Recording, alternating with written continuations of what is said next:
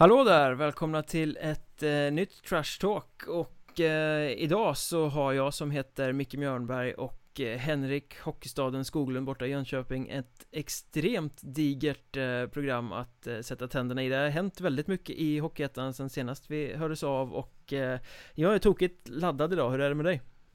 Ja, men det är samma sak här. Eh, det är precis som du säger att eh, det har hänt eh, väldigt mycket eh, senaste veckan och det finns jättemycket att eh, avhandla så att eh, jag är eh, toktaggad. Ja, vi får väl se hur mycket Göteborgsvitsar, geografiska anspelningar, populärkulturella referenser och matrecept det smyger sig in. Vi har ju en tendens att hamna på lite sidospår ibland. Ja, precis. Men vi ska nog kunna sticka in någonting också i den här podden. Ja, vi får väl se. Du har ju berättat om din storslagna pepparsås i tidigare avsnitt så att du kanske har något annat eh, S i rockärmen att plocka fram. Ja, precis. Den här pepparsåsen eh, kanske jag inte nämnde då, men den ingick ju i maträtt som jag bjöd min eh, nuvarande sambo, mamman till mina barn, eh, på första gången. Vi, hon var hemma hos mig. Och vilken fantastisk förförarteknik alltså. Ja, det, sen höll jag på att bränna ner köket. På, det var första gången jag använde ugnen faktiskt.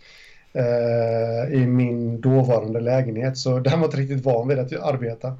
Så det, hela köket blev rökfyllt. Men eh, det blev lyckat ändå så... Ja. Men du gjorde inte pepparsåsen i ugnen, hoppas jag? Nej, det gjorde jag inte. Det var uh, pommes jag gjorde i ugnen så serverade jag även fläskfilé till som eh, fläskfilé som efter den var stekt lät sjuda i eh, pepparsåsen som består av kajpi och vispgrädde och svartpeppar. Riktig vispgrädde alltså, inte matlagningsgrädde? Riktig vispgrädde. Ja, riktigt så här göttigt, flottigt. Ja, det gillar vi. Jajamän, jajamän. Det är sån mat som eh, Hockeyettan-lirarna säkert äter när de ska bygga upp sig mellan matcherna. När de tröttnar på pasta och det tror jag absolut. Det tror jag absolut. Men eh, ja, nu hamnade vi på ett recept direkt i början. Det var lätt ja. att hamna på stickspår, det bjuder vi så gärna på. Eh, När vi ändå står och trampar lite utanför de ämnena som vi ska avhandla idag så här inledningsvis så eh, Jag vill nästan passa på att komma med lite beröm om det går bra. Ja, kör. Då skulle jag vilja ge tummen upp till Hudiksvall och deras eh, webbsändningar som jag för första gången, märkligt nog, stiftade bekantskap med nu i veckan som gick och eh, jäkligt bra bild, bra kommentatorer, bra grafik, eh, väldigt bra pausupplägg. De hade sytt ihop ett paket där som många andra Hockeyettan-klubbar borde titta på faktiskt. Det var riktigt bra. Eh, och framförallt en, en kul liten detalj där att de eh, la på lite pausmusik emellan och då lyfte fram eh, en duo tror jag som heter Selma och Gustav som om jag förstår saken rätt har lokalanknytning, kommer från Hudiksvall så att de liksom anspelade på det lokala även i sändningen där. Det var väldigt bra sätt att hitta ett samspel mellan sporten och kulturen på orten. Eh, tummen upp för det. Ja, absolut. En applåd eh, till det. Och det, det ska man ju lyfta fram, eh, de som gör det bra. Jag tycker många klubbar gör det bra med tanke på förutsättningarna. Men, men alltså, kan man göra det så pass bra som Hudiksvall gör så gnäller man inte. För det är väl, det har man ju märkt ibland att det kan bli lite segt under pauserna i de här webbsändningarna och eh, då är det bara bra att fylla på med någonting plus att massa tittare eh, man är kräsen så man vill ha lite mervärde så det är en stor, stor applåd till Hudiksvall men eh, Selma och Gustav har gått varm nu på din Spotify eller? Ja, jag lyssnar ett och annat varv faktiskt Det kan mm. rekommenderas eh, ja. Så ni som kör Spotify, vilket alla människor med självaktning väl gör, antar jag Ni kan ju gå in och lyssna på det om ni vill eh, få er lite Hudiksvall eh, De har nog flyttat nu i och för sig Men jag tror de kom därifrån från början. Ja. Nog om det, då har vi lyckats klämma en kulturell, kulturell Fan, det är svårt att prata idag, det är torsdag lunch och Jag sitter här och svamlar. Vi, vi kastar oss fan rakt på ämnena. Mm. Jag har ett litet förslag om att vi ska kalla den här podden för Det våras för reservmålvakterna Ja, och det är inget dumt förslag från uh, din sida för det, de har ju verkligen klivit fram här nu efter jul och uh, tagit för sig. Exempelvis Johan Nielsen i Troja. Ja, det är väldigt påtagligt här hur många reservmålvakter som faktiskt har gått och blivit första målvakter. mm. Och Johan Nilsen här, om du nämner honom, han leder ju faktiskt hela södra allettans målvaktsliga med en räddningsprocent på smått fantastiska 98,73 Han har släppt ja. in 0,33 mål per match Och alltså stått de tre senaste matcherna för Troja och släppt in ett mål på dem mm. Ja, det är starkt jobbat och jag eh, måste säga, jag har alltid sett Johan Nilsen som en bra och kompetent målvakt som håller eh, högsta klass i eh, Hockeyettan. Men tyvärr för hans del då så har jag haft Robin Johansson att kampera mot som om möjligt då är ännu bättre. Och då har Johan Nilsen fått stå lite åt sidan, men eh, jag tycker att det, är offent... det känns som att han har tagit tillbaka första sparen nu och eh, jag tycker att det är ofantligt starkt av honom att eh, han har ju varit andremålvakt i en säsong. Om man räknar med förra i en och en halv säsong. Till och med då och eh, ja, andremålvakt har Johan Nilsen varit då och eh, att ta tillbaka det, det, det är jättestarkt. Då ska man veta att Robin Johansson hade ju anbud från allsvenska klubbar i eh, somras.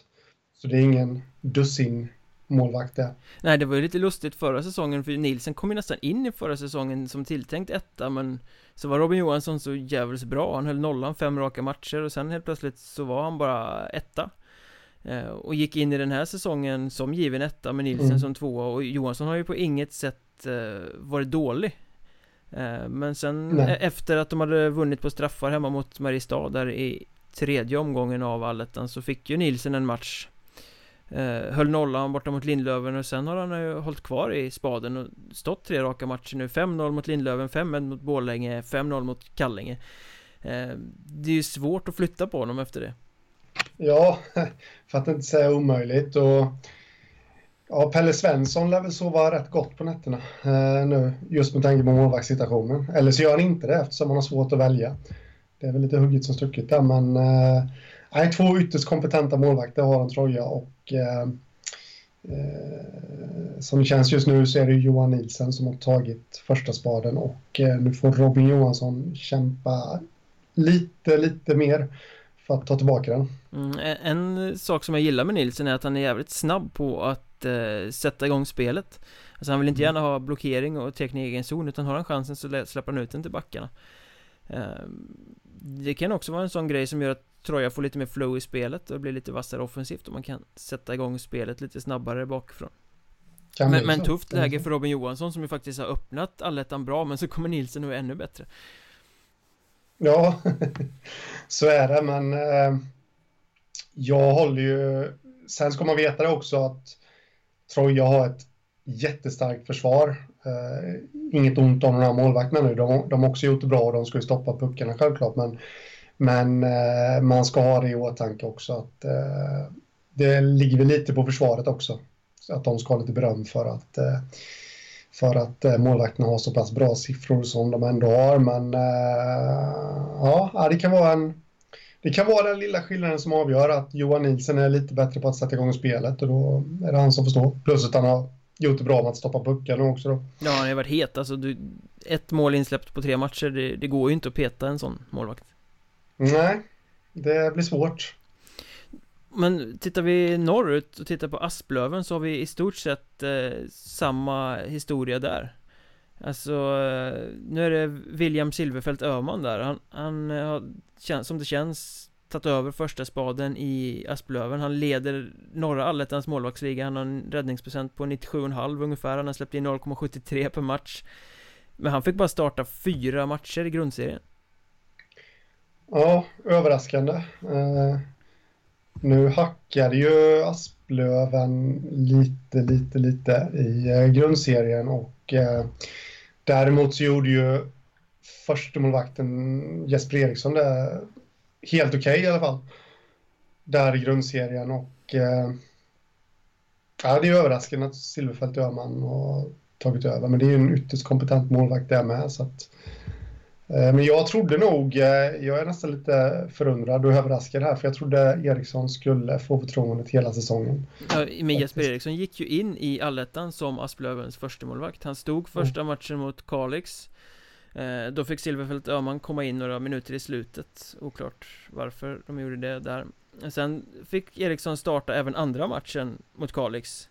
Eh, mm. Men vid ställningen 0-3 så eh, bytte de in Silverfält Öhman och sen dess har han stått Och där vände det ju för Asplöven mm. Eh, för han höll nollan resten av den matchen Kalix vände, eller Asplöven vände mot Kalix fall med 5-3 Sen har de vunnit 4-1 borta mot Sundsvall och 3-1 borta mot Hudiksvall Målvakten har spelat grymt inspirerat och bra mm. Och tatt, det känns väl som att han har tagit första spaden här också Vilket ju är ganska påfallande om man tänker att han bara fick starta fyra matcher i grundserien. Och det var ju liksom mot sådana här Brunflo, SK Lejon och sådana lag. Mm. Eh, så han matchades ju inte ens mot de bästa Bortsett då ett inhopp när de bytte ut Eriksson i en match mot Östersund. Ja, precis.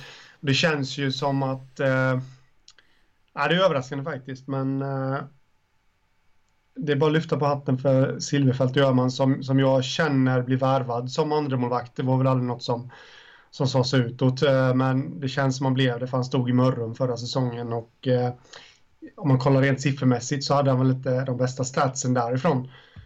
Eh, medans eh, Jesper Eriksson då mera såg som den här lovande framt, framtidsnamnet som eh, de också värvade inför säsongen då Asplöven och eh, som skulle ja, bli förstemålvakt. Eh, som jag antar i alla fall då, värvades från Skellefteå. Skellefteås juniororganisation och eh, där han har gjort helt okej, stått i landslaget, juniorlandslaget och alltihopa så att eh, Nej, förunderlig situation. Ja, plötsligt händer det liksom. Det ramlar på plats. Ja. Reservmålvakten kommer in vid rätt tillfälle och sen gör han precis som Nilsen. Jag ska stå här, liksom.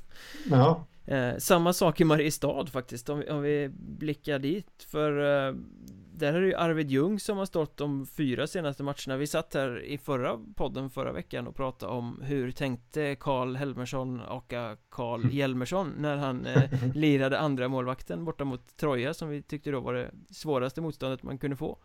Eh, men det var ju uppenbarligen helt superrätt för sen dess är det ju Ljung som har stått alla matcher och gjort det svinbra, han har en räddningsprocent på 94,5 och släpper in 1,72 per match. Eh, Och har då stått mot Nybro, Skövde och Kumla efter den där eh, Troja-matchen. Och är väl, ja, han har väl tagit första spaden från Robin Wallin där då, helt enkelt. Och, och Ljung stod bara sju matcher i grundserien. Mm. Ja, det känns som att han tagit över den och eh, Det känns också som att vi har ifrågasatt lite här om målvaktssidan kanske är Mariestads eh, akilleshäl som vi har haft ett litet, litet frågetecken för. Men det känns som att Arvid Ljung har rätat ut ett litet utropstecken nu. Och eh, om vi ska sticka iväg på ett litet, litet sidospår här så vet du vad Arvid Ljung, Viktor Kokman i Vimmerby, Adam Bengtsson i Dalen och eh, Hampus Alexandersson i Tranås har gemensamt. Eftersom jag vet att du vurmar för små Smålandsklubbar så skulle jag gissa på att eh, alla på ett eller annat sätt har ett förflutet i Nässjö. Precis, det stämmer det. Eh, då har de, eh, samtliga har gjort i alla fall minst en säsong där. Eh, och på något sätt så känns det som att eh, Ja, någonting händer ju där i Nässjö. Jag, jag vet jag har pratat med Viktor Kokman om, om det där och eh, han ser bara tillbaka med glädje på sin tid i Nässjö och fick en fantastisk utveckling där och läroperiod. Så ja, man ska helt enkelt se upp för målvakter som har Nässjö som gemensam nämnare. Det är rätt lustigt det där om man tittar på Arvid Ljung här till exempel så Han har alltså stått de tre senaste säsongerna i division 2 Med Nässjö mm. då och sen två säsonger i Töreboda eh, och sen har han suttit på bänken under hösten i Mariestad och som han spelar nu när man ser honom spela så spelar han ju som att han är en toppmålvakt i ettan Som att han inte ja. liksom har gjort något annat, som att han skulle ha varit en tilltänkt etta ja. eh, Som att han bara har stått där och väntat på att förtroendet ska komma på något sätt Ja men det, det känns lite sådär eh, jag, jag, vet, jag vet faktiskt inte riktigt vad jag ska säga men, men samtidigt så ska man ju kanske veta det att Ljung har ju, han har ju ofantligt många matcher bakom sig de senaste säsongerna. Om vi kollar på eh, alltså nästan 17 matcher i Kungälv 2012-2013, sen han eh, i Nässjö 25 matcher eh, i tvåan och i Töreboda sammanlagt närmare 60 matcher. Så han har ju riktigt många matcher under bältet och, och på så sätt så, så han är ju van vid att vara förstemålvakt också. Så det kan vara det som är en bidragande faktor. Mm. Ja men kul att se den utvecklingen och, och mm. väldigt stabilt för Mariestad. Uh, om vi liksom bara fortsätter, vi, vi, kan liksom bara mata här för i, i Hudiksvall så är det plötsligt uh, samma sak Där har vi Anton Hedberg då som stod åtta matcher i grundserien och var uh, andre keeper Nu har han plötsligt fått förtroende till tre av fyra matcher i allettan, han fått stå de tre första Gjort det riktigt bra Eh, och han kommer ju röra en gammal Brynäs junior som kommer in Han har varit andre keeper i Tierp, han har varit andre keeper i Kiruna han har varit andra keeper under hösten i Hudiksvall och nu helt plötsligt så är han första keeper och konkurrerat ut Simon Nord. Ja, också anmärkningsvärt. Eh, det, det, finns ju, ja vad ska man säga liksom. Det, det, finns ju liksom ingen, men det är väl också det att han har stått och väntat på sin chans. Han, han är ju definitivt inte van att vara förstemålvakt heller. Eh, han stod inte överdrivet mycket i Brynäs juniorlag exempelvis eh, när han var junior. Han är inte så gammal än. Eh, och har inte stått överdrivet mycket då, precis som du säger, i Tierp på Kiruna. Så, men han har ju väntat på chansen och som det verkar än så länge då tagit den. Väldigt intressant att Hudiksvall väljer, väljer att matcha honom från start i allettan. För i fallen Nielsen, Silverfält, Öhman och Ljung som vi har snackat om så har ju de liksom börjat på bänken även i allettan Kommit in, gjort det så bra så de har blivit kvar. Eh, men eh, Hedberg satsade de ju faktiskt mm. på från start. Han vann de tre första matcherna. 4-0 Östersund, 4-3 Östersund, 4-2 mm. Kalix. Sen ställde de Nord i, i kassen i fjärde matchen och torska. Eh, Två, ja. Två saker bara. Jag tänker på Pekka Alsen Har ju varit i Brynäs. Jätteskicklig målvaktstränare som väl Jag antar har jobbat mycket med Anton Hedberg Eh, det är en faktor och sen då Lars Lillis Lövblom som är coach nu i Hudiksvall har ju varit eh, J18-tränare i Brynäs. Känner förmodligen till Hedberg utan och innan. Det kan vara en faktor att han vet exakt vad han kan få ut av honom vid exakt rätt tillfälle. Mm. Alltså får man väl se vad som händer nu med matchningen i och med att Nord stod senast men det, det känns ju så som Hedberg har eh, presterat som att han har en ganska bra app på att ta den där första spaden? Ja, det känns lite som jag, med tanke på att Hudiksvall går bra också liksom och alltihopa så så det är bara onödigt att byta liksom.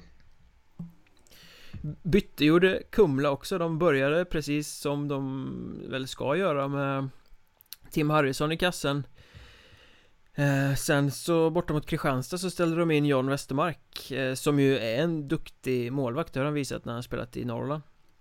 Men han, den här Westermark då, han fick ju bara spela tre matcher på hela grundserien För Harrison eh, prenumererar ju på första spaden i Kumla. Men eh, Kumla fick med sig en poäng borta mot Kristianstad och sen har Westermark stått i kassen sen dess. Han har stått tre raka För Kumla. Ja, det är väl egentligen den största skrällen av de här vi har tagit upp Känns det lite som ändå, även fast det är som du säger att Westermark har kapacitet också men Harrison är ju top notch i Hockeyettan och ja, man ser ju, alltså han är ju en gjuten förstemålvakt i vilken klubb som helst, känner jag. Och eh, riktig skräll och Västermark, det är lite kul för han har ju liksom aldrig, han har ju aldrig gått någon skola så att säga i någon superelitklubb eller och haft de här förutsättningarna utan han kommer ju från eh, Boliden i division 3 stod han i i alla fall eh, 2011. Eh, och eh, sen har han fortsatt liksom genom tvåan, eh, i ettan, tillbaka till tvåan och nu tillbaka i ettan igen då. Han var i tvåan förra säsongen. Eh, så det är lite, vad ska man säga, Askungesaga på något sätt. Att han nu, nu vet vi inte i och för sig, men, men det känns ju som att han också har tagit första spaden där. Jag vet inte riktigt hur man ska tolka det för Leidborg, Gunnar där i Kumla, han har ju lite rävar både här och var Sa ju inför Kristianstad-matchen där att det var läge att ställa Västermark igenom en match För det var en match utan press liksom Där kan han stå och ingen förväntar sig att de ska vinna där ändå liksom Så mm. gjorde han väl det bra, sen har han fått stå kvar Men Kumla är ju inget vinnande lag, de har inte vunnit en enda av de här matcherna han har stått eh, Ändå har han fått tre raka. Och det var inte så att Harrison gjorde bort sig innan det Så att jag vet inte riktigt eh, hur resonemanget går där. Om det är något skada på Harrison eller något, det vet jag inte. Men om båda är friska så jag skulle ju faktiskt eh, spelat Harrison här. I alla de andra fallen så eh, sympatiserar jag fullt ut med att eh, andra keeperna är, är, bättre för tillfället, de ska stå men i Kumla tror jag att jag hade spelat En frisk Harrison ska ju stå, så är det ju bara Leidborg är ju gammal målvakt också och borde väl ha bra koll på något sätt känner jag om vem man ska spela. Eh, när, så att säga. Westermark har ju också varit utlånad ska vi säga till eh, IFK Hallsberg här i tvåan. Under säsongen har riktigt bra siffror för att vara division 2. Eh, där målen brukar, det brukar vara lite svängdörrar. Han brukar eh, ösa in. Ja, precis. Men han 95-96 procent nästan är han på sina tre matcher där. Så han har väl tagit några kliv framåt. Det är de bästa statsen han har eh, i tvåan faktiskt genom hela sin karriär. Och eh, på något sätt så måste man ju egentligen bara lyfta på hatten här över målvaktsstandarden som vi har i Sverige just nu. Det ja, känns som att eh, Ja. Det känns ju som att det här måste säga någonting Alltså att det är så pass många klubbar där det är andra målvakten som plötsligt kliver in, tar första spaden och är svinbra mm. eh, Borde ju säga någonting om klassen på något sätt Jo men så är det och eh, ja, vi har ju varit inne på det innan och jag anser i alla fall att Toppmålvakterna i ettan skulle utan problem kunna gå in och spela i Hockeyallsvenskan eh, nu alltså, idag. Eh, SHL skulle, jag tror att toppmålvakterna även skulle kunna gå in i SHL och stå en match, kanske två, utan men det är just jämnheten, eh, kontinuiteten, om man nu uttalar det rätt, som, som skiljer kanske en SHL-målvakt från en hockeyettan-målvakt lite. Mm. Eh, men, men, vi har fantastisk målvaktsstandard i Sverige just nu faktiskt och, och uh, ja, det ska bli kul att se vart, vart det tar vägen.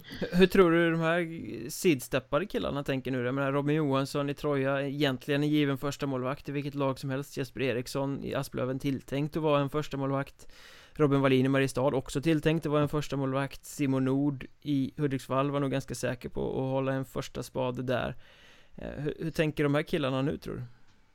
Ja, jag vet inte riktigt hur de är som personer så att säga, men jag hoppas ju att de blir förbannade på rätt sätt. Eh, knyter näven och eh, fan, jag ska ta tillbaka första spaden.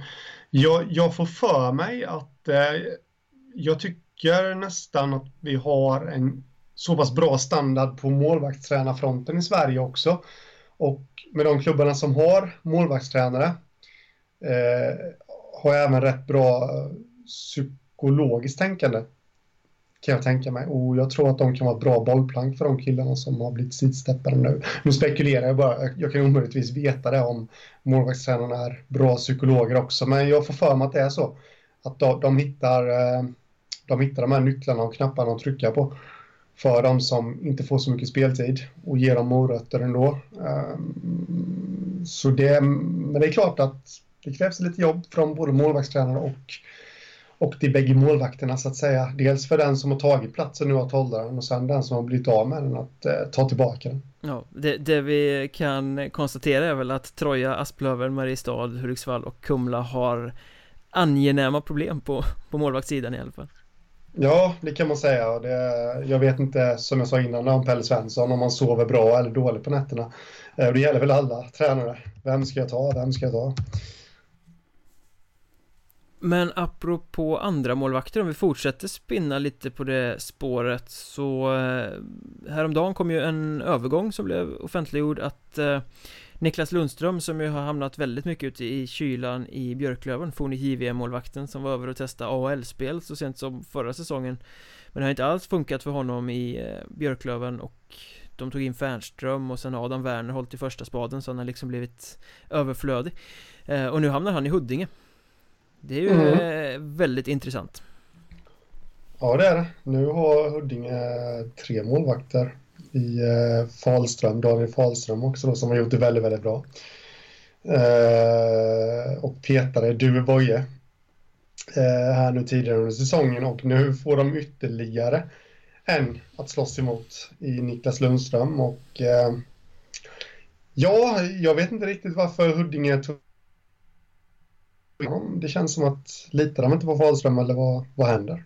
Jag snackade faktiskt med Fredrik Mälberg som är både tränare och sportchef i Huddinge i förmiddags och eh, han framhöll ju där då att de har inte aktivt letat efter någon målvakt De har varit nöjda med med det som eh, de målvakterna de har, åstadkommit Eh, men nu Mm. flyttar ju Lundström hem till Stockholm och har haft svårt att hitta ny klubb att spela i och den här möjligheten uppenbarade sig Han ramlar egentligen mer eller mindre ner i knät på Huddinge här Mm. Eh, Och det verkar inte som de betalar någonting för honom heller utan det är nog Björklöven som sväljer lönekostnaden där Mm. Eh, Och då resonerar de väl som så att varför ska de inte ta in en så meriterad målvakt som ändå har varit på en hög nivå Kan tänkas komma dit så känns det dumt att säga nej liksom Jo, det är klart. Det är ju alltid helt rätt tänkt och eh, det är ju alltid positivt för klubbnamnet också om man säger så att framgångsrika spelare förknippas med det. Eh, även om kanske Lundström inte har varit framgångsrik på några säsonger nu så känner man ändå någonstans att han har det i sig så att säga. Men jag skulle personligen inte bli överraskad eh, om kanske inte Fahlström håller första spaden i Huddinge ändå. Ja. Trots Lundströms intåg. Det ska man ju säga att den här säsongen har ju varit bedrövlig för Lundström. Eh, han, han, Det började fel för honom, det regnade in puckar i hans kasse i Björklöven. Eh, Han hade höga förväntningar på sig, det blev inte alls som han tänkt sig. Adam Werner kom in, spelade bra. Lundström hamnade på bänken och resten är historia liksom. Så han har inte spelat bra på hela säsongen. Ehm, Och då är ju frågan alltså hur fort går det för honom att studsa tillbaka? Visst är Hockeyettan det är en nivå ner, men i alla fall. Ja, det... Jag anser ju inte att det skiljer sig jättemycket eh, mellan allsvenskan och ettan just vad gäller målvakter. Men däremot så ett miljöombyte kan ju alltid vara nyttigt ändå. Flytta hem, man är från Stockholm, eh, få den tryggheten och ny klubb, börja om från noll igen. Så på så sätt, det kan ju tala till Lundströms eh, fördel.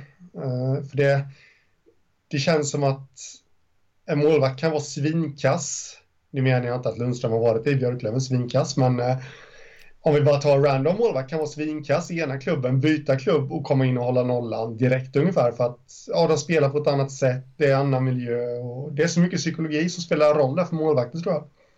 Så att eh, det kan mycket väl, ja det är hugget som stucket faktiskt om vem av jag tror ändå att eh, du Boje borträknade ur racet känns det lite som. Det kommer nog stå mellan Fahlström och Lundström och det känns som att ja, antingen så delar de på det eller så ja, jag vet inte.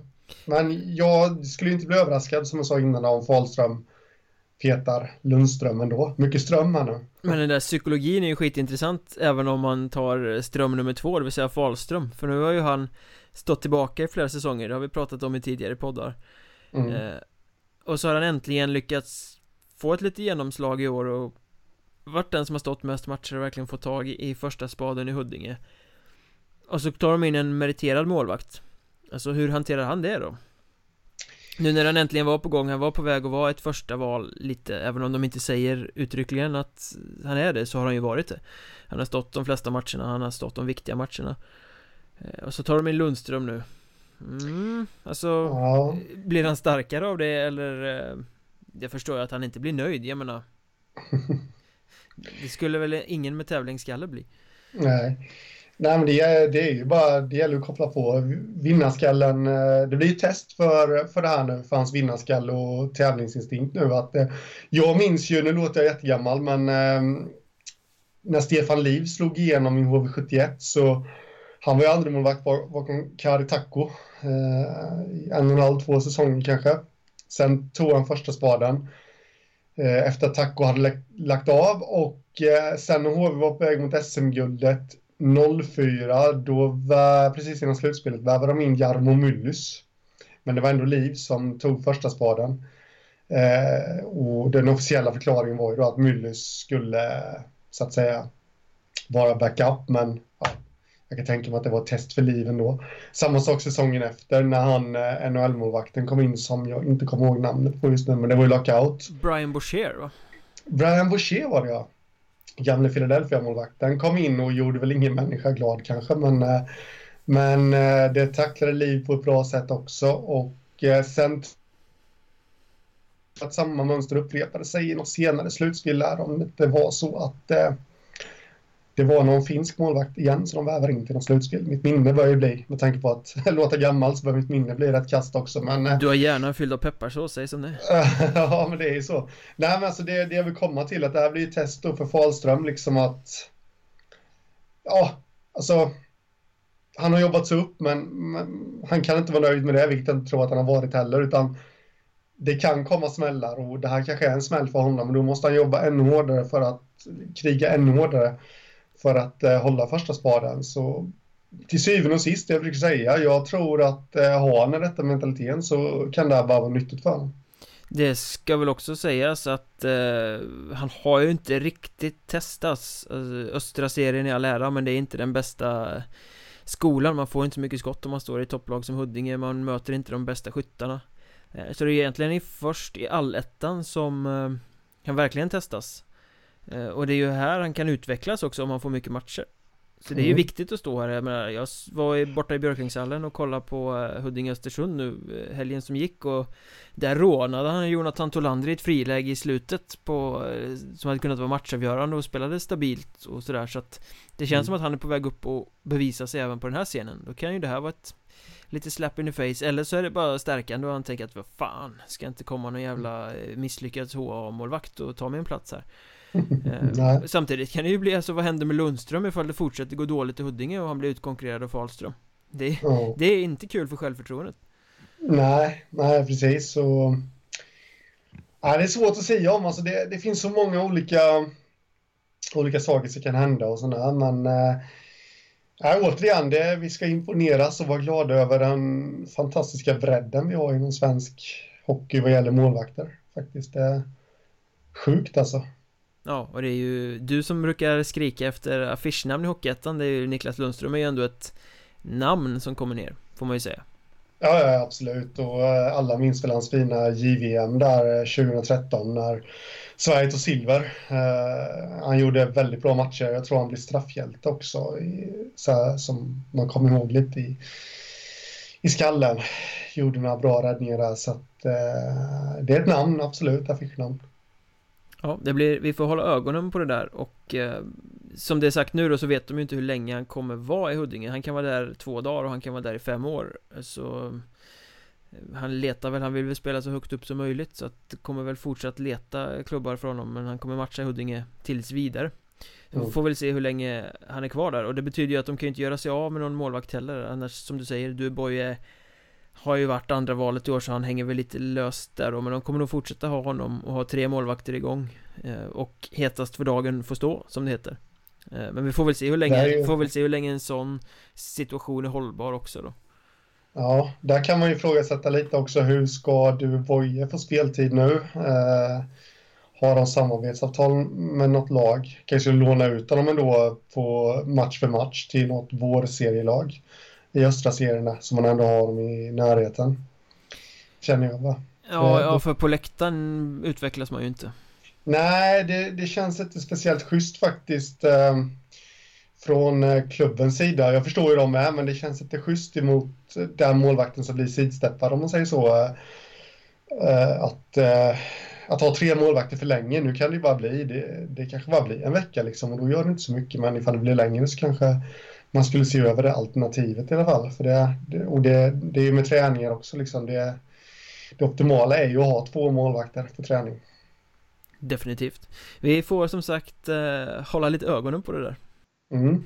Men vad fan, om vi, eh, om vi släpper eh, målvakter Vi har gaggat om målvakter i en halvtimme nu snart tror jag Så att eh, det kan ju vara kul att fokusera på något annat också eh, Krislag Känns som en rubrik som man skulle kunna dra upp nu en bit in i alletterna och fortsättningsserien Ja, det eh, kan man ju säga och det finns väl några att höja ett litet frågetecken för. Eh, jag vet inte om vi ska börja med, med vårserierna eller alletterna. Vad, vad tycker du? Maestro Mjörnberg? Det spelar mig ingen som helst roll faktiskt. Men eh, jag kan kasta ut ett lag som krisar ordentligt och det skulle jag säga är Kiruna. Ja, förlorat tre raka och släppt in 16 mål och riskerar att, åka ut. Eh, då ska man dessutom ha i åtanke att Kiruna AF går som tåget i tvåan så de kan ju få möta sitt kval. Här. Det är ju, för de som inte vet det så är det ju ofantlig rivalitet mellan de två klubbarna som har hängt i ända sedan urminnes tider. Och, och eh, jag är osäker på om IF som ligger rätta nu då skulle kunna klara av ett så, sånt kval. Det Faktiskt. kanske inte är den matchen man vill ha om man säger så. Nej. Eller ja, det, det, på ett sätt så är det väl exakt den matchen man vill ha för häftigare derby än i ett kval eh, Blir det väl inte, men samtidigt risken att åka ur mot bistra rivalen, eh, nej Nej, det, det vill man inte ha och Nästa match på hemmaplan där eh, för Kiruna mot Vännäs som har börjat med två segrar. Från tre första matcherna, den blir ofantligt viktig för eh, Kiruna här nu för att hålla Brunflo och Sollefteå bakom sig. Och de möts dessutom i nästa omgång så att eh, något av de lagen kommer troligtvis gå om Kiruna om inte de vinner ja, mot Vännäs.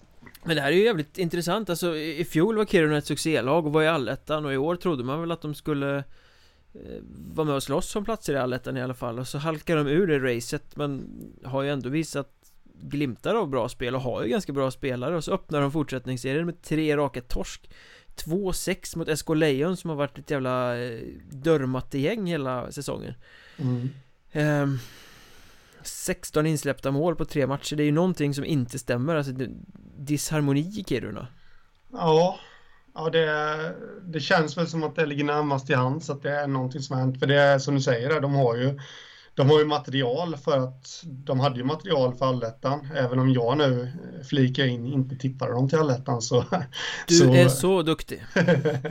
så, så har de alltså deras material talar emot att de ska ligga femma i vårserien efter tre omgångar med, med noll segrar och ja, noll poäng då.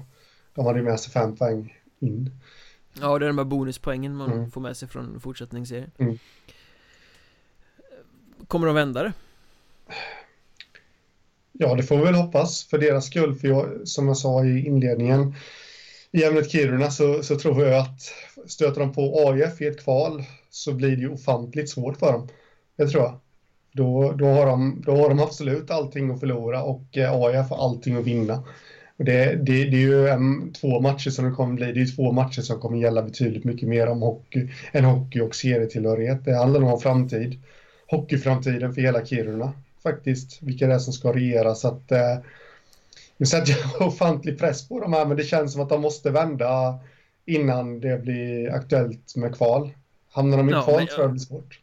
Men det är som vi säger, alltså de har ju ett lag som inte ens ska vara i närheten av att behöva kvala sig kvar. Nej, nej så är det nu är det ju bara början på serien givetvis och de ligger fortfarande över kvalstrecket så de har ju alla möjligheter att, att klara ut det här. Men att, att det börjar så riktigt illa som det har gjort De var under väldigt stort borta mot Teg innan de hämtade upp. Jag tror de torskade med bara 5-4 där till slut.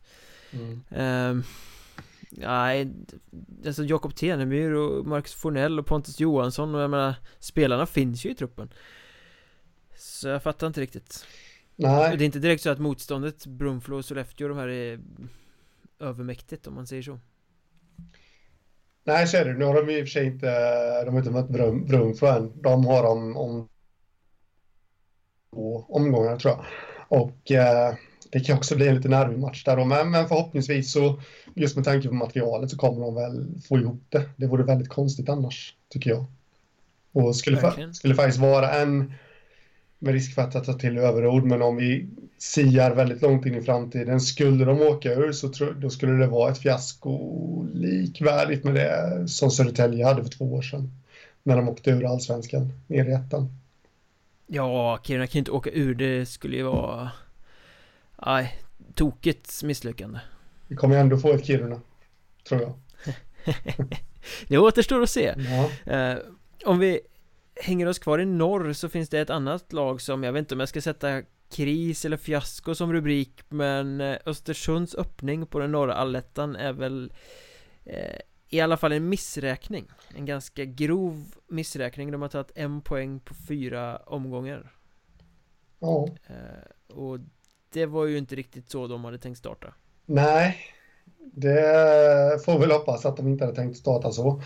I alla fall, de eh, de startade ju norra, norra serien, grundserien, också lite tveksamt, inte så här då, men, men också lite hackigt och sådär. Jag vet inte om det kan vara att de att det kommer bli en säsongsgrej för dem att de kommer i, i slutet så att säga och kör om alla men eh, nej det är inte godkänt den här starten de har och eh, det är tuffa matcher, det, det ska vara klart för oss men eh, några fler ja, de, de säger själva att de inte var med alls i de här två öppnande matcherna back-to-back -back med Hudiksvall När de fick stryk med 4-0 och 4-3 mm. eh, Men sen har det tagit sig lite och till Östersunds fördel tycker jag man kan säga Jag har sett, eh, jag såg båda matcherna förra helgen när de spelade mot Visby där de fick med sig en poäng då och när de spelade mot Huddinge och åkte på 3-2 målet i röven med två sekunder kvar av matchen mm.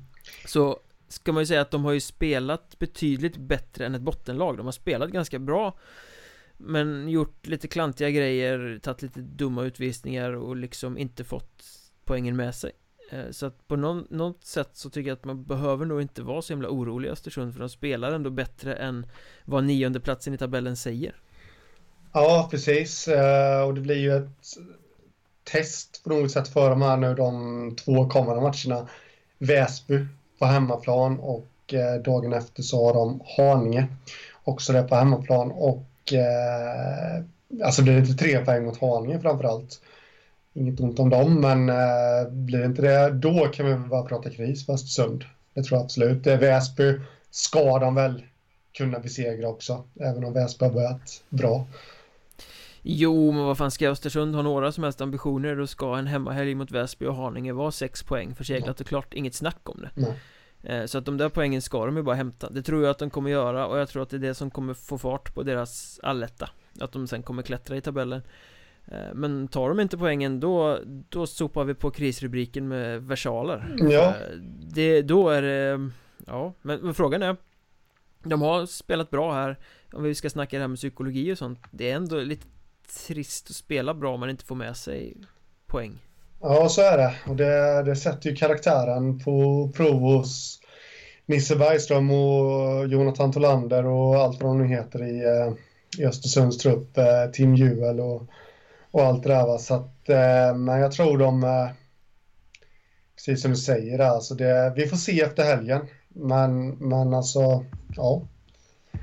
Jag tror att de börjar bli lite byxis över det där valet de gjorde med Jul Alltså för han har inte stått på huvudet så här långt i allettan-öppningen mm. eh, Alls Han har inte varit dålig men han har ju inte varit eh, tungen på vågen Nej eh, Men nu, ja, han gjorde det valet och ansåg att det var rätt då så Då får de ju stå sitt kast Även om Juvel är ju en utvecklingsbar målvakt och lär sig Förmodligen får vi hoppas för, för varje match som går. Så att eh, eh, det finns väl förbättringspotential där som man ser också. Men du tippar eh, sex poäng till Östersund i helgen? Ja, och det antar jag att du också gör. Ja, ja, något annat eh, finns inte på kartan faktiskt. En, en sak som med, vi... med, med, all respekt för Väsby och Haninge. Ja, en sak som vi måste ta upp det är att Jonathan Tolander har gjort tre mål inledningen här. Eh, det är fullt godkänt. Han gjorde 19 mål i grundserien. Ja, både han och Liljeström Karlsson har sett riktigt bra ut också i de matcherna jag har sett. Ja, precis. Och det, de verkar ju inte ha tappat hopp. Så att säga. Så att, eh, fortsätter de att leverera så ja, då finns det absolut hopp. Och det ska vara sex poäng nu i helgen. Mm. Vad säger du om Bålänge då? Borlänge tippades ju av många i den absoluta toppen av eh, södra allettan Men nu har de öppnat med De har bara tagit sex poäng på de sex första omgångarna, de ligger åtta. Ja. Eh, De har bara vunnit två matcher. Ja, eh, och för att vara lite ödmjuk så var jag en av de som tippade dem i toppen och det har jag fått äta upp. Förlorade hemma mot Lindlöven. Inget ont om Lindlöven som, som har ett bra lag, men de spelade i samma serie här nu innan jul och eh, Borlänge krossade i stort sett allt motstånd den serien och, och, jag ska inte säga att de lekte hem det, men de vann rätt överlägset och då ska man liksom inte förlora eh, hemma mot ett sånt lag eh, som man kanske normalt sett ska slå. Torskade borta mot Troja för de, det är inte så mycket att säga om, även om 5-1 kanske, kanske Lite väl stora ja. siffror kanske De tappade en 2-0-ledning borta mot Skövde mm. ja, det... Till en 3-2 förlust ja. Också ett lag från samma serie och det hade ju inte Borlänge gjort förra säsongen om man säger så. Så någonting hackar ju lite i deras spel och eller vad om det är de här de kanske gav 110 procent i varje match förra säsongen, för jag tycker att de har ett starkare lag i år. Men, eh, men ja, istället kanske de bara ger, bara säger jag nu då, 99,5 procent i matcherna. Kanske blivit, jag vet inte, jag spekulerar, kanske blivit lite, lite bekväma och, och då, det är skillnaden. Faktiskt på ja, det, här, det här riktigt framgångsrika Borlänge är ju ett lag som spelar tight och stänger till och inte släpper in motståndarna på yta och chanser och sånt. Jag har en känsla av att de har kanske bjudit på lite väl mycket yta åt motståndarna ja. De här matcherna i allettan det, det har blivit för enkla mål bakåt, de har släppt till för mycket chanser ja. eh, om, om... I premiären mot Nybro som vi pratade om, det tyckte jag att de inte gick före framåt riktigt så mycket som man hade kunnat önska Men nu har jag snarare känslan av att fan det läcker lite väl mycket bakåt Ja, det är lite överraskande. Jag, om vi ska sticka iväg på ett litet, litet sidospår här så matchen i eh, här nu förra, förra matchen som Borlänge spelade borta mot Troja där de förlorade med 5-1 så stod de i 7,60 tror jag i odds inför matchen och då sa jag till min sambo det är att fan du kan gå in och spela för den matchen för jag, jag, jag tror inte att det är helt oövet att Borlänge skulle kunna vinna och det har jag fått äta upp sen. Du kallar dig själv för expert, du har fått höra var 50 minut här När de förlorar med 5-1 så att eh, så att det är lite överraskande faktiskt. Så att jag tror faktiskt att, precis som du säger, just med tanke på att möter de ett spelskickligt lag som Troja så skulle de, om man ser till Borlänge förra säsongen, skulle de kunna stänga ner dem genom att spela tråkigt och, och knäppa till liksom. Men de har inte den eh, kapaciteten i år. Känns det Kanske försöker spela för mycket. Ja, det kan vara det och det, då får de ju på något sätt hitta tillbaka till grunderna. Jag vet. Sen har de ju, alltså nu på lördag så har de borta match mot Kristianstad Mm. Det är ju inget kul i det läget de befinner sig nu Det är en jävligt svår bortamatch och, och torskar de den då har de plötsligt bara 6 poäng på 7 omgångar och då är man ju i botten på riktigt Ja det är de, då, då sticker tåget lite iväg. Till topp tre-platserna i alla fall. Och äh, det ska bli ofantligt spännande att, att se. Ifall de, eh, jag, jag, har inte, jag har faktiskt inte koll på ifall de har gått upp med någon målsättning inför allettan här nu men det, det känns ju inte riktigt som att det var det här de räknade med. Nej, ligga i botten. Det kan inte ha funnits på någon karta för Mr Jakobs i båset där mm. Det blir ju Kristianstad borta tror jag blir noll poäng för Borlänge Sen har de ju en ruggigt Ruggigt svår match också hemma mot Mariestad Omgången efter eh, Så det kan bli noll poäng på två omgångar här och Lika väl som det kan bli Ja, i alla fall Två, tre. eller tre. Ja. ja. Jag höll på att säga sex poäng där, men nej, jag tror inte de tar Kristianstad. Nej, inte som de spelar nu. Det tror inte jag heller. Eh, men, men torskar de båda de där, då får vi skriva kris med versaler där också. Ja, det kan bli ett riktigt krisavsnitt nästa, nästa podd. Ja. Den stora krisbonanzan. Mm. Vimmerby då? Eh, ligger en plats bakom eh, Borlänge i tabellen på nionde plats. De har bara tagit fem poäng på, nio, eller på sex omgångar. Ja, jag vet inte om nu hade ju dem lite högre upp givetvis, men eh, samtidigt så vet jag inte riktigt om jag...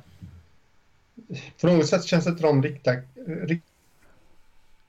riktigt lika krisartade som de andra för att... Och det bygger väl mycket på historik. De har lite historik av att inte kanske göra så bra ifrån sig i allettan. Sen vill jag höja ett litet varningsfinger för att det hackade rejält för dem i i grundserien också. Sen fick de igång spelet och eh, poängen började trilla in och, och, jag skulle faktiskt inte bli överraskad om, om de kanske är inne i en liten lärofas här nu. På något sätt det är lite tuffare och tajtare matcher i, i allettan än vad det var i södra serien så men än så länge så kan man väl kanske hålla med om krisrubrikerna. Sen ska, ska man väl i, i Vimmerby eh i deras fall också säga att de har haft matcher borta mot både Kristianstad och Troja. Mm.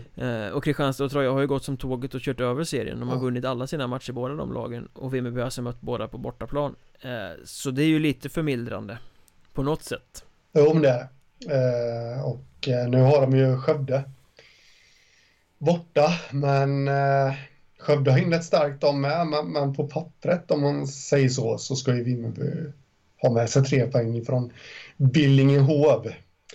Uh, sen, uh, Sen har de Nybro hemma och det blir inte riktigt rätt, eh, lätt. Nej, Nej Skövde-matchen känns ju lite som en nyckel men Skövde är luriga alltså. Jag har sett dem i en och en halv rak match nu kan man säga.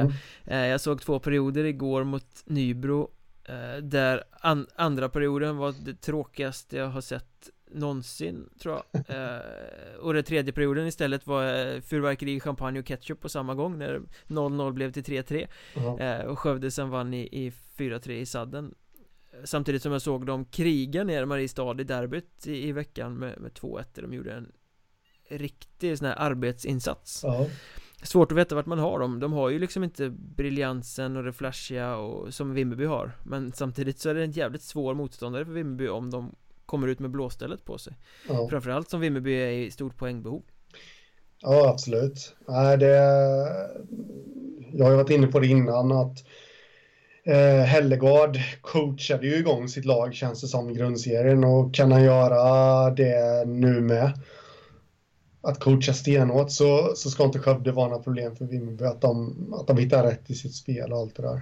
Eh, det tror jag. Jag skulle inte våga spela en säker tvåa på den matchen i alla fall. Nej, jag vågar inte tipsa om någonting längre med tanke på min historik så att eh, jag, lovar, jag skulle inte bli överraskad heller om Skövde vinner just med tanke på deras inledning men eh, på pappret så ska det vara tre poäng för Vimmerby. Sen snackade vi lite innan här eh, Diskuterade i huruvida Helsingborg är ett krislag eller inte. Eh, De ligger numera sist i eh, Vårserien Södra och tränaren Paul Everberg hoppar av. Slut på energi står det på hemsidan. Tre matcher in i vårserien. Ja, precis och eh, Det Vad ska man säga Bergqvist hoppade väl av innan också va? Ja, sportchefen som var ASS-coach också, han försvann väl i höstas nu. Ja, precis. Jag har för mig att det var något liknande där med, att det var slut på energi. Personliga skäl tror jag. En sån här luddigt som ja, kan vara precis vad som helst. Just ja.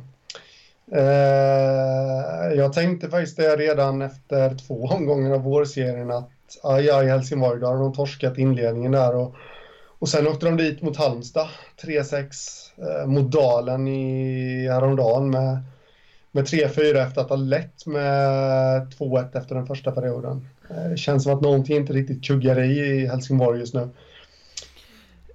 Nej, de har haft mycket sjukdomar och skador Sen hade de ju spelare som drog Vänt till Tyringe och Synelius till Kriff Och mm. August Karlsson är väl på semester om jag ja, kommer ihåg rätt och, och ehm, Ja men liksom när spelare hoppar av och de är sjuka Man har kort om folk dåliga vibbar runt föreningen på något sätt. Ja, det känns lite som det här. Det känns väl riktigt som att de motsvarar det som, som Hockeyettan kanske ska vara ändå. Alltså, det är elit och då ska det vara professionellt och då kanske man inte ska dra iväg på, på semester och försöka dessutom hålla i sina spelare. Men, men det är svårt, eh, ekonomi som spelar in och alltihopa och eh, jag dömer inte Helsingborg för det eh, kan jag säga. Men eh, men nej, jag tycker att det luktar lite kris. Eh, nu hade de Tim Brithén på bänken igår och de som tränare och de förhandlar om säsongen med honom. Jag, är, jag har lite svårt att veta var han står någonstans som tränare. Han var ju assisterande i SHL mm, förra säsongen det... men i HV bakom Johan Lindbom. Men Ja. Och han eh, rattade ju Nej, han rattade ju Olofström i ettan för några år sedan. Mm. eh, Blev väl mest känd för att hamna i slagsmål med Press Pjorka på försäsongen. Ja, det var det, så var det. I egna båset där. Ja.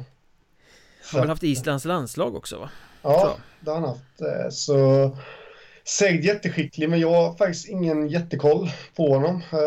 Och det blev ingen Brithén-effekt igår i alla fall När de mötte Dalen så att, Nej, eh, och det man väl får säga är väl att för Helsingborgs del nu är väl att försöka undvika eh, nedflyttning. Det är väl det som är, borde vara målet. Ja, det måste det nästan vara just med tanke på den här staten de har fått. Eh, men de har fått med sig en, en poäng tror jag de har fått med sig ifrån serien här nu och det är väldigt mycket underprestation. Men visst, de har haft mycket skador och spelare som åkt iväg på semester självklart och då, då kanske de ska ligga där de ligger också. Men, men det känns som att bara det att man tillåter spelare att sticka iväg till andra klubbar och åka iväg på semester så är det någonting som inte känns helt hundra i föreningen och det kan ju faktiskt också ha varit anledningen till att Everberg fick slut på energi. Det vet man inte. Det kanske var över hans huvud så att säga, de här besluten togs. Mm, absolut. Vi säger helt enkelt till kris i Helsingborg. Ja, det gör vi. Det slår vi fast. Sen måste vi väl eh, säga ett eller annat ord om eh, Nybro och deras sjukstuga också Man får säga att de har gjort det väldigt bra senaste veckan med tanke på förutsättningarna som har varit i den föreningen Ja, 12 spelare borta varav 8 i eh, nu vet jag inte om de har influensa eller bara vanlig förkylning och feber men, men eh, 12 spelare borta sammanlagt och, eh, och eh, de lyckades ändå besegra Kumla på bortaplan med 2-0 om man inte minns helt fel. Var det inte 3-0? Ja, det kanske var 2-0. Ja, 2-0, 3-0, där någonting. Ja, precis. Just med tanke på den historiken och sen eh, eh, i senaste matchen här emot eh, Skövde på hemmaplan så fick de med sig en poäng. Då har de lånat in tre spelare från HV71 J20. Bland annat William Romfors, han gjorde två mål. Ja, riktigt eh, vass var han i, i slottet ja. faktiskt. Han fick två lägen där inne och det bara smällde. Ja. Eh, faktiskt ja, både han och Isak Brännström eh, körde och var riktigt trevliga att se. Den tredje mm. länken där var Ian Örnskog. Eh, mm. Men eh, de kom ju ner och, och gjorde det bra som som en speedy och energirik utfyllnadsline där Men man såg ju mot Skövde att de gick lite på knäna Nybro Det blev lite trött De har gått kort om folk och spelare som har kommit tillbaka är väl kanske inte helt hundra än man är ju inte jättepigg när man har varit sjuk heller mm. Nej Nej, det är ju så. Vi får se ifall de hinner komma tillbaka till eh, söndagens match här nu mot Lindlöven. För Lindlöven, jag som har rätt hög tro på Nybro, eh, så är Lindlöven ett lag som i sig är skickligt och svårspelare, men, men det är ändå ett lag som jag tycker Nybro ska slå med fullt manskap ska sägas eh, på hemmaplan, men så då gäller att de får tillbaka spelare. Jag tror att HVJ20 spelar helgen och jag vet inte ifall de är så pigga på att låna ut de här Romfors och Brännström och Örnskog igen. Så att... Eh, Nej, sen ja. är det ju så också att när du får en hel lina sådär, de är ju skitbra i en match, det är jättekul för dem och, och entusiasm och sånt, men i långa loppet så kan man ju inte förlita sig på juniorlån, utan då måste man ju ha tillbaka sina Ja, sina, men ändå starkt av Nybro att ta de här fyra poängen med, under de här tre matcherna de förlorar ju borta mot Mariestad Men att ta poängen trots att de är kort om folk Trots att det faktiskt är bärande viktiga spelare som är borta. Um, Så all cred till Nybro faktiskt som har lyckats ja. så bra som de har gjort med så decimerat manskap. Ja, precis. Det känns som att, uh, ja, de kan ju bara bli bättre. Ja, så är det ju. tillbaka. Så är det Eh, apropå att få tillbaka så eh, David Tuppen Fredriksson gjorde comeback för Dalen nu i gårdagsmötet med Helsingborg Han ja. har inte spelat sedan premiären mot Tranås och hade en knäskada som opererades och eh, skulle hålla honom borta hela säsongen men nu var han tillbaks Ja, han fick epitetet Mirakel-David eh, utav eh, Henning Solberg som har verkat i HC Dalen tidigare på Twitter. Eh, vilket jag tyckte var ofantligt roligt. Eh, att han fick det. Men, eh, men eh, det, det, där måste man faktiskt bara, om vi ska sväva iväg lite igen, att han har förmåga att ta sig tillbaka när man som minst anar det. Den gode tuppen, han fick ju armen nästintill avskuren i samband med någon träning i HV och skar av senor och muskler och alltihopa. Det var osäkert om han kunde fortsätta karriären, men han är tillbaka från det, kom tillbaka rätt snabbt från det och har varit skadedrabbad eh, rejält under sin karriär. Och, så egentligen borde man faktiskt inte bli överraskad över att han stod på skridskorna eh, mot Helsingborg. Eh, tidigare, väldigt mycket tidigare än utsatt tid. Men det ska man väl lägga också till eh, kontot här att han är ju långt ifrån eh, färdigtränad Han är typ rehab varit borta med det här, han är ju inte fulltränad Han Kommer in och ska bara göra några byten och, och liksom är väl förmodligen på tidigare Eller han är på tidigare än vad man hade tänkt. Han är förmodligen på tidigare än vad som är lämpligt skulle jag gissa. Det känns ju lite som att HC Dalarna går så jävla dåligt så de måste ha tillbaka honom för att liksom Få igång laget på något sätt. Ja, nej, jag, han sa ju det själv i lokalmedia här nu för några dagar sedan. Jag kommer inte exakt ihåg ordagrant, men, men då började jag fundera lite att han, han inte var vad ska man säga, eh, han är inte revat upp knät till 100% än. Om jag nu fattar det hela rätt, det som stod i tidningen. Och, eh, och då med tanke på det sagt så jag tror ju aldrig att Dalen hade plockat tillbaka honom förrän han var helt hundra om de hade spelat i allettan. Exempelvis. Och inte hade öppnat fortsättningsserien med några torskar också. Nej, precis. Och eh, så det tror jag absolut att man skriver under på att eh, eh, han är tillbaka för att eh, nog börjar det lukta lite kris i föreningen. Det, det, tror jag absolut. Sen, sen tror jag nog att, eh, att det är eh, David själv som, vad ska man säga, inte pressat på, men, men han känner sig nog redo i alla fall. Jag tror inte att det är Dalen som har pressat att han ska komma tillbaka, utan det är nog att han vill. Han är nog trött på att stå i båset nu. Han har gjort det under hela sin skadefrånvåro, så han vill nog vara inne och spela. Men han gjorde väl tre, fyra byten tror jag i varje period för, ja, mot Helsingborg då. Smällde in ett mål. Ja, han gjorde ju game winning goal i den matchen. Eh, och avgjorde det hela till Dalens eh, fördel. Och det kan man väl också tycka att det är ett underbetyg till hela laget på något sätt. Ja, ja men på något sätt så jag tycker att Dalen, jag tippade dem till allettan med, med vissa besvär, men jag tippade dem ändå till allettan och eh, sen fick de lite tunga skador, men, men, på något sätt så måste jag faktiskt säga att jag tycker de har underpresterat eh, sett över hela säsongen och eh, inledde vårserien rätt svagt också och eh, nu kom tuppen tillbaka och eh, avgjorde. Och jag vet inte om man ska säga att det är ett underbetyg, men på något sätt så det känns som att hans ledaregenskaper och hans närvaro på isen betyder kanske mer för Dalen än vad som är hälsosamt. Kan man uttrycka sig så? Det låter som en ganska bra sammanfattning på det ämnet tycker jag. Ja, det känns som det. En annan eh, rutinerad herre då som eh, det gick åt motsatta hållet var kan jag väl säga Kari Sivonen får lämna Kristianstad eh, mm. Drar till England och ska spela för Guildford Flames eller något sånt där istället eh, Och då snackar vi alltså en kille som var med och spelade upp Tingsryd i Allsvenskan Som var med Tingsryd i Allsvenskan Succétruppen förra säsongen och som nu alltså inte alls får till det med Kristianstad i ettan. Eh, Men jag kan säga, jag är inte förvånad över att han, för det har hela hans eh, stint med Kristianstad har sett rätt disharmonisk ut. Han har blivit bänkad och han har åkt omkring och sett eh, sur ut och grinig och tagit dåliga utvisningar Det funkar uppenbarligen inte.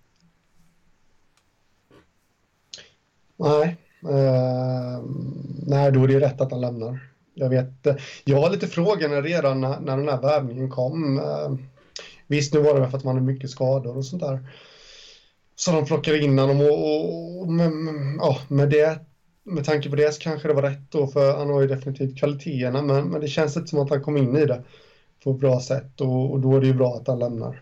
Ja, en rutinerad spelare som sitter och är tjurig riskerar ju bara att dra ner ett lag. Ja, ja exakt och eh, jag tror inte att eh, Mats Lust är den sortens tränare som tillåter sånt allt för länge i ett lag. Så det var nog bra för alla parter. Ja, det, jag kan tänka mig att det där kan nog krocka ganska ordentligt Det är nog två ganska bestämda herrar och hamnar de inte på samma våglängd så kan det nog Ja, det hade nog kunnat vara kul att sitta som en fluga på väggen men jag tror inte att det är bra för ett lag faktiskt Nej, jag tror inte det heller för det är alla har olika eh, ingångsvärden så att säga och även om en spelare inte är inblandad själv i en konflikt så kan de dras ner av det ändå genom att vara, vara i närheten av det. Och nu ska vi säga att vi vet ju inte om det har varit någon konflikt, men, men det kanske det har varit. Vi kan ju säga eh, att Kari Sivonen inte har varit harmonisk i Kristianstad-dräkten. Nej, så är det ju definitivt och då kan det faktiskt finnas spelare vars prestation hämmas utav det, även om de själva inte är inblandade i, eh, i konflikterna. Vi får helt enkelt önska honom mer lycka till i eh, England För han är ju ja. en, han är ju en sevärd spelare när han är på humör och det funkar för honom Ja det är, det är han. Har, har du varit på hockey i England en gång? Det har jag faktiskt aldrig Men att döma av bilderna i mitt Twitterflöde så verkar det vara ett bra drag Och de som har varit där och spelat säger ju att det är väldigt fysiskt Ja det är det, jag, jag har faktiskt varit på hockey i England eh, London Nice Jag kommer inte ihåg vad deras Nej det heter ja, det, är någon annan sport de... kanske? Nej jag vet inte men... Ja men de hette nog London Knights emot eh, Bracknell Bees den gamle Modospelaren Mikael Kjeldén spelade i något av lagen och hamnade i slagsmål faktiskt och det var, jag tror det var 8000 på läktarna. Så det var väldigt bra drag. Sen var hockeyn in, icke av önskvärd kvalitet. kan jag väl säga, men eh, det var bra drag på läktarna. Gamla Mr eh, Troja Ljungby, Jerry Andersson är väl och eh, coachar i Sheffield Steelers tror jag, den här säsongen. Mm. Ja. Uh, ingen aning om hur det går för dem, men jag har ju sett att det fladdrar förbi lite på Twitter och han verkar ju trivas i alla fall. Ja, och Sheffield är väl en med tanke på att världens bästa fotbollslag Sheffield Wednesday kommer därifrån så Måste det väl vara en bra stad att verka i Ja, det vet jag inte Vi är inte så bra på fotboll i den här podden faktiskt eh, Innan vi stänger ihop eh, boken för den här gången så eh, vi ska väl flagga lite för Örnsköldsvik också Ja, inför nästa säsong kanske, även om de nu kan vinna vårserien. De ligger ju bra till för det, men de har tio spelare alla redan på kontrakt över nästa säsong. Varav fem av dem är, är även över nästnästa. Och eh, lagkaptenen Johan Nilsson har ända fram till 2021. Så det känns som att man tänker långsiktigt i Övik. Sportchefen är Patrik Edlund. Vi Vad... snackar alltså om ett, eh, något så ovanligt som ett hockeyettanlag som har kontinuitet. Ja, faktiskt. Och det, jag vet inte jag kastar ut frågan både till dig här Mikael och, och till våra lyssnare. Att, känns det det som, har det någonsin hänt någon gång tidigare i eh, Hockeyettans historia att ett lag har haft tio spelare på kontrakt redan i januari över nästa säsong? Jag är osäker på det. Det var nog länge sedan i så fall för eh, de senaste tio åren har du i princip bara skrivit ett års kontrakt i ettan alltid liksom. Ja, precis. Och jag, jag blir lite imponerad där, för det är liksom tongivande spelare som han, Edlund, då, sportchefen, har lyckats få stanna. Eh, också skrivit på nya kontrakt och det tyder, sådana som har anknytning till orten också, det, det tyder väl lite på att de trivs och, och tror på satsningen så att säga. Så att, eh, det gillar jag i alla fall. En liten eh, fråga dock eh, Med tanke på om man tittar på historiken från Örnsköldsvik eh, Att de år efter år efter år bommar allettan och hamnar precis utanför och inte riktigt räcker till hela vägen fram mm. Du tror inte att det finns någon form av risk att de liksom skriver fast sig själva med ett halvmediokert gäng här? Ja, det är faktiskt en risk jag ser Även om jag är positiv um, ur den bemärkelsen att jag tror att ett lag blir starkare om du har en stomme som har varit där i flera år, vilket de håller på Ja, de har en sådan stomme och de håller på att bygga på den ännu mera. Eh, det är det positiva, men samtidigt fortsätter de att bomma allettan så kan ju det vara negativt för dem. Dessutom så blir jag lite överraskad över sådana här långa kontrakt när, när vi pratar om den nivå som Hockeyettan ändå är, där spelarna har heltidsjobb vid sidan av. Att, eh, att eh, det kan hända mycket i livet. De kan få barn, de kan få ett annat jobb som kräver mycket mer tid och då sitter de fast i ett kontrakt eh, x antal år till och eh, Fast de är nog ganska lätt att riva, det är ändå Hockeyettan vi snackar om Jo, det, det, det, tror jag med, men ändå liksom om man tänker ur klubbarnas perspektiv så kanske man inte ska heller räkna med spelarna under hela kontraktslängden. Så det får man hoppas att de inte gör.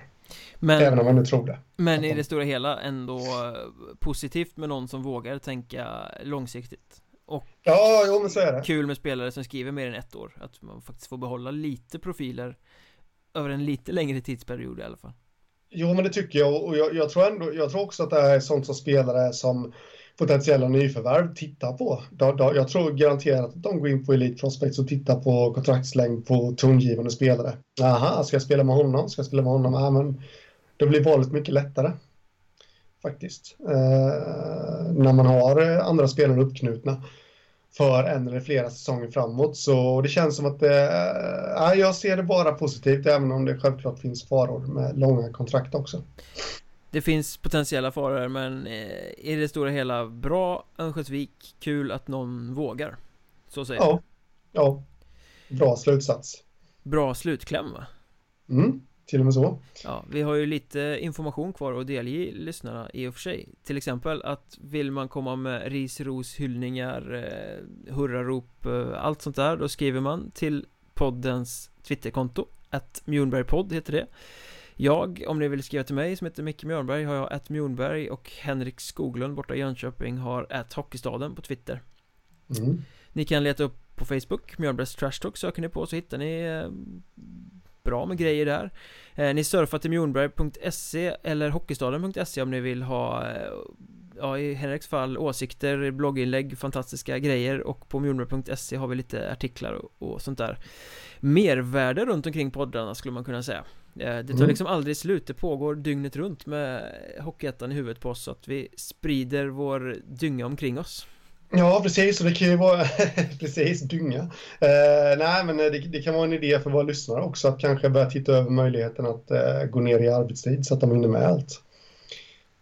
Det, det, tror jag de redan gjort i och för sig Med tanke på hur länge Mm. vi sitter och gaggar om såna här oväsentligheter som, som vi har gjort nu i över en timme Ja, oj, över en timme till och med. Oj. Ja.